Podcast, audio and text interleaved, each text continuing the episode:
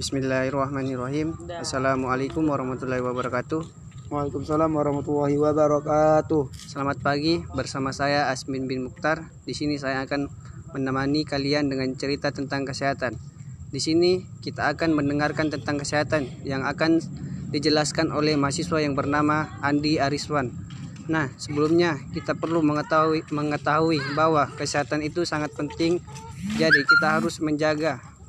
Oke, marilah dengarkan tentang kesehatan. Apa sih pengertian kesehatan, Bang? Kesehatan adalah keadaan sejahtera dari badan jiwa dan sosial yang memungkinkan setiap orang hidup produktif secara sosial dan ekonomis.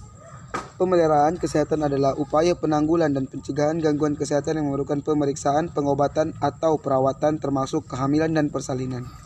Nah, kita sudah mengetahui apa pengertian dari kesehatan. Sekarang, kita ingin tahu cara menjaga kesehatan. Bagaimana ini, Bang?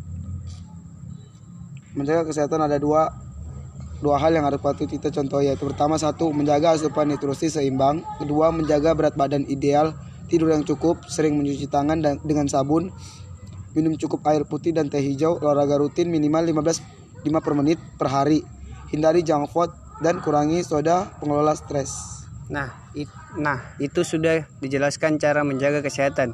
Jadi kalian kalian bisa melakukan. Berhubungan dengan kesehatan saya ingin mempromosikan produk saya yaitu gula diet. Ini buat orang-orang yang ingin diet tetapi tetap sehat. Diet lancar, badan tetap sehat. Sekian dari kami. Assalamualaikum warahmatullahi wabarakatuh.